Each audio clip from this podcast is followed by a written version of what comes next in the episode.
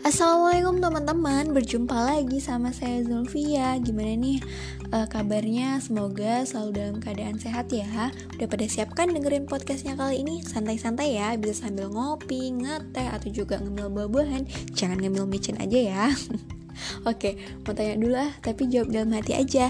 Udah pada dengerin podcastku yang pertama belum nih? Kalau udah, terima kasih ya udah mau dengerin. Dan kalau belum, silahkan didengerin dulu. Soalnya podcast kita kali ini masih berhubungan dengan podcast kita yang pertama. Oke, hmm, kita lanjut ya. Nah, Uh, hari ini kita akan membahas mengenai topik yang merupakan bagian dari 1000 hari pertama kehidupan atau 1000 HPK.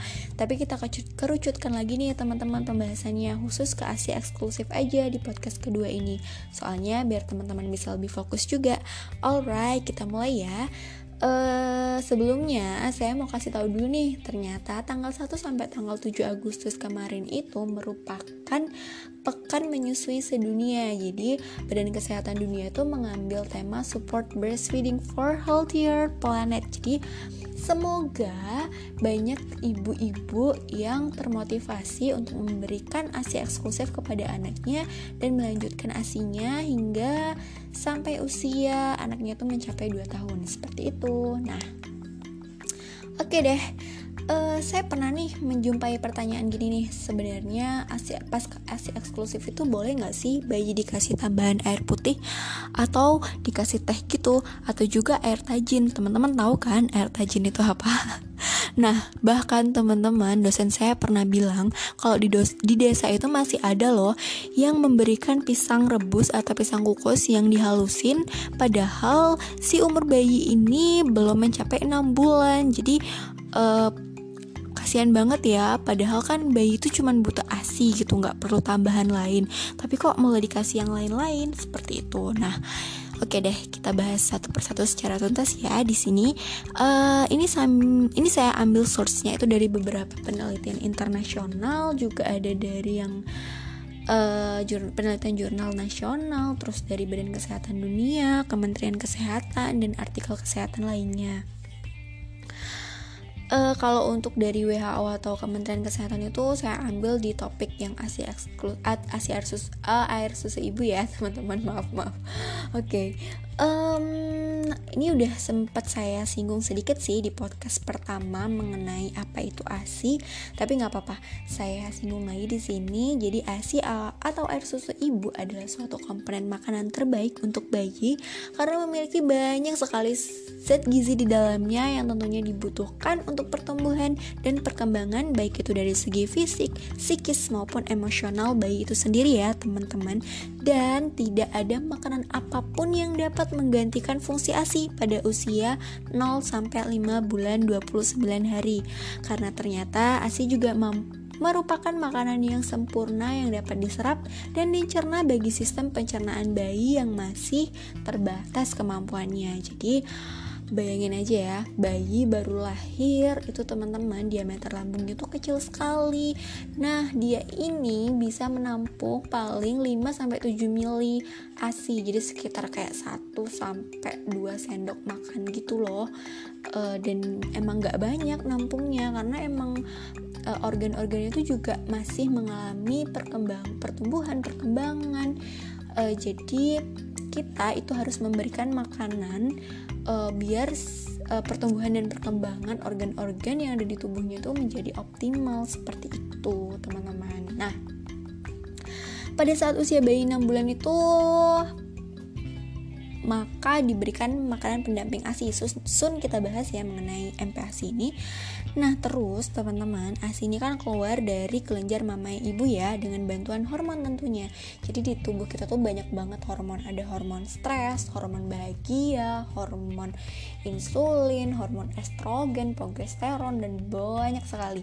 Nah, uh, hormon yang berperan dalam pengeluaran ASI ini yaitu hormon uh, prolaktin. Jadi hormon prolaktin ini berperan merangsang sel-sel alveoli yang berfungsi untuk memproduksi dan meningkatkan produksi ASI. Jadi uh, hormon prolaktin inilah yang apa namanya nantinya akan mengatur kemudian juga perlu diketahui bahwa hormon prolaktin ini nggak bisa loh bekerja sendirian jadi dia tuh harus ada peran dari hormon lain agar agar fungsinya dapat optimal. Sama seperti kita.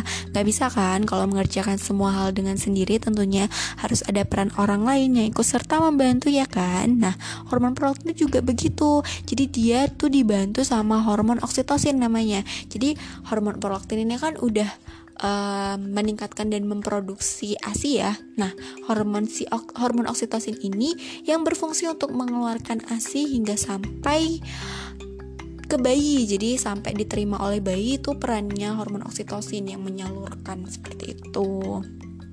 Nah, Uh, tapi teman-teman sebenarnya hormon prolaktin atau ho dan hormon oksitosin ini udah bisa loh melakukan tugasnya sejak trimester 3 jadi pada usia kandungan 7 bulan sebenarnya ASI itu udah bisa keluar kok. Jadi nggak perlu khawatir nanti bisa keluar nggak ya ASInya nah tentunya teman-teman ada cara atau ada treatment-treatment yang bisa dilakukan untuk merangsang hormon ini dapat bekerja secara optimal seperti itu Nah, jadi treatment pertama yang bisa dilakuin itu adalah uh, pijat oksitosin atau massage oksitosin yang ternyata emang berpengaruh loh ke uh, rangsangan hormonnya itu sendiri. Jadi tentunya ini bidang fisioterapi paham banget ya tentang treatmentnya seperti apa.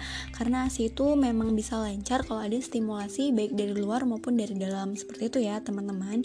Kemudian kalau dari asupannya sendiri, jadi ibu hamil sama ibu menyusui itu emang spesial karena mereka memang harus ada penambahan kalori, protein, lemak, karbohidrat serta vitamin mineral lain tentunya.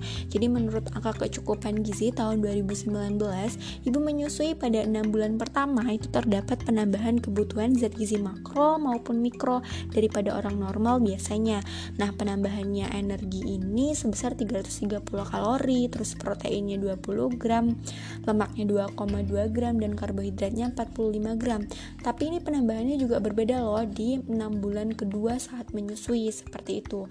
Tentunya ini juga dipengaruhi sama aktivitas fisik ibunya, terus dipengaruhi sama usianya dan faktor stres juga bisa dipengaruhi e, buat ke, apa mengetahui kebutuhan ibunya ini sebenarnya berapa gitu. Nah, tentunya kalau dari ibu hamil itu sampai kemudian menyusui itu emang harus uh, makan dengan uh, pedoman gizi seimbang ya. Nggak cuma ibu hamil dan ibu menyusui aja. Kita pun yang uh, semuanya itu harus sesuai dengan pedoman gizi seimbang yaitu isi piringku. Jadi di sana udah memuat komponen-komponen apa saja yang harus dikonsumsi, terus berapa porsinya, kemudian apa saja sih yang um, kemudian membantu mengoptimalkan dari asupannya ini seperti itu.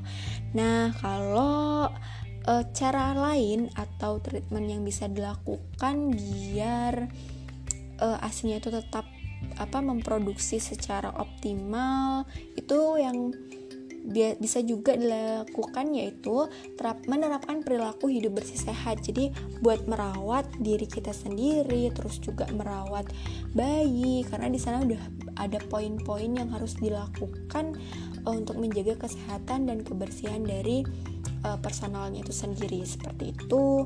Kemudian uh, jangan mengganti ASI dengan susu formula ya. Jadi kan memang kalau misalnya si ibu ini ngerasa pas awal-awal itu uh, asi saya tuh sedikit banget ya keluarnya gitu ya udahlah daripada anak saya nggak apa namanya dapat asinya ya saya ganti aja lah dengan susu formula gitu jadi uh, karena mungkin ibunya ini juga merasa cemas jadi makanya langsung diganti dengan susu formula gitu nah ini jangan ya jangan dilakukan dulu karena uh, gini teman-teman jadi uh, hormon prolaktin atau hormon oksitosin itu bekerja dengan optimal karena dia ada rangsangan gitu.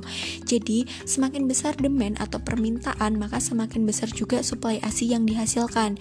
Jadi, um, semakin besar frekuensi, semakin besar waktu menyusui bayi ini memperbanyak juga produksi ASI. Jadi meningkatkan produksi ASINya, kemudian memudahkan untuk keluar karena ada rangsangan uh, si bayi ini untuk menghisap seperti itu. Jadi kalau untuk waktu menyusui sendiri bayi itu biasanya minimal 10 menit pada tiap payudara. Sebenarnya berbeda-beda sih. Ada juga yang uh, lebih dari 10 menit terus harus uh, habis itu keluar baru asinya gitu.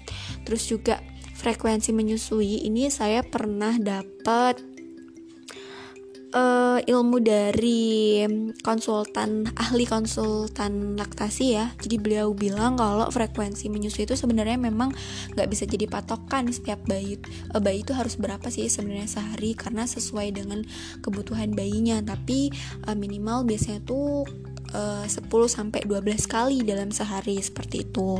Nah, kalau misalnya si bayi ini juga apa dia itu kan biasanya kalau emang bayi itu kan kalau awal-awal itu kan tidurnya lama gitu kan. Nah jadi bisa dibangunkan bayinya nih buat menyusui gitu. Soalnya kalau nanti dia tidurnya lama uh, asupannya kan jadi nggak banyak kan. Nah itu bisa mempengaruhi nanti uh, produksinya juga nanti uh, bisa terganggu, kemudian juga asupan anaknya juga bisa terganggu dan lain sebagainya seperti itu. Kemudian Selain memperlama waktu menyusui, kemudian memperbanyak frekuensi menyusui, juga mengonsumsi air secukupnya. Jadi uh, perlu diketahui ya, jadi ada saat ada kandungan bayi, ada kandungan ASI, maaf, ada kandungan ASI yang dia itu uh, kaya akan air. Nah, ini kita bahas di part selanjutnya ya, kandungan ASI. Jadi emang harus konsumsi hmm, air putih yang cukup uh, sekitar 8 gelas sehari untuk menghindari dehidrasi juga dan memperlancar ASI juga karena emang kalau ibu-ibu yang lagi menyusui ini kan uh, cepat banget ngerasa haus, kemudian cepat ngerasa lapar, makanya harus cukup airnya juga harus cukup konsumsi makanannya seperti itu. Dan juga yang paling penting juga sih jadi tuh harus yakin dengan kemampuan dirinya dalam mengurus dan memberikan ASI eksklusif kepada si kecil ini.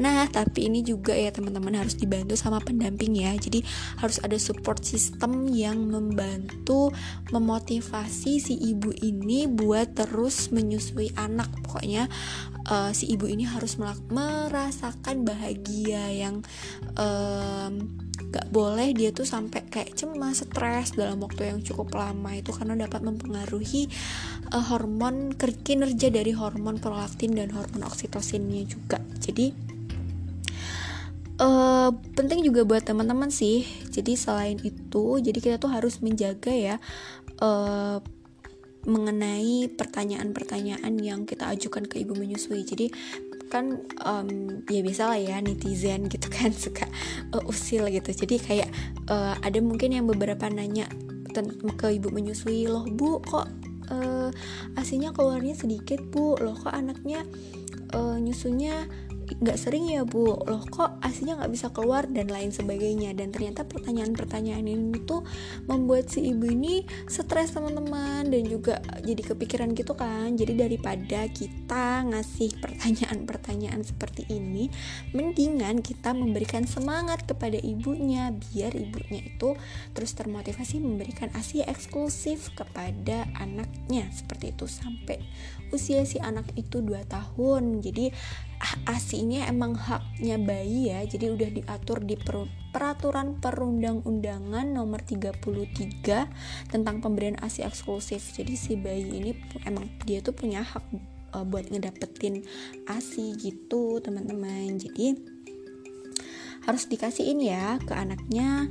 Nah juga um, jadi salah satu penelitian yang saya baca itu kalau di Islam kan emang ada murotal ya teman-teman mungkin udah tahu murotal itu apa murotal itu seperti apa gitu kan. Nah e, di penelitian ini tahun 2020 ya di bulan Januari di daerah Makassar gitu tepatnya. Jadi ternyata tuh suara dari orang yang membaca Al-Quran atau murotal ini dia tuh dapat menekan hormon stres, kemudian meningkatkan perasaan santai, membantu menenang, menenangkan, kemudian membantu mengontrol emosional juga dan metabolismenya tuh metabolisme tubuhnya tuh juga bisa lebih optimal gitu karena kondisi ibunya yang rileks seperti itu teman-teman. Jadi emang perasaan santai terus perasaan tenang dan lain sebagainya itu bisa mempengaruhi dan meningkatkan uh, kinerja dari hormon prolaktin dan hormon oksitosin seperti itu. Dan juga teman-teman jangan lupa untuk menjalin hubungan yang dekat bersama buah hati dengan mengurus secara langsung, menyentuh dan berinteraksi dengan si kecil. Seperti itu. Semoga bermanfaat ya podcastnya. Hmm, cukup segini dulu. Semoga keping teman-teman juga nggak pada pengang ya. Maaf kalau ada tutur kata saya yang kurang berkenan di hati. Semoga bermanfaat ilmunya. Sampai jumpa di lain hari. Semoga kita bisa bertemu buat bertukar cerita. Oke, dah ya, saya akhiri. Wassalamualaikum warahmatullahi wabarakatuh.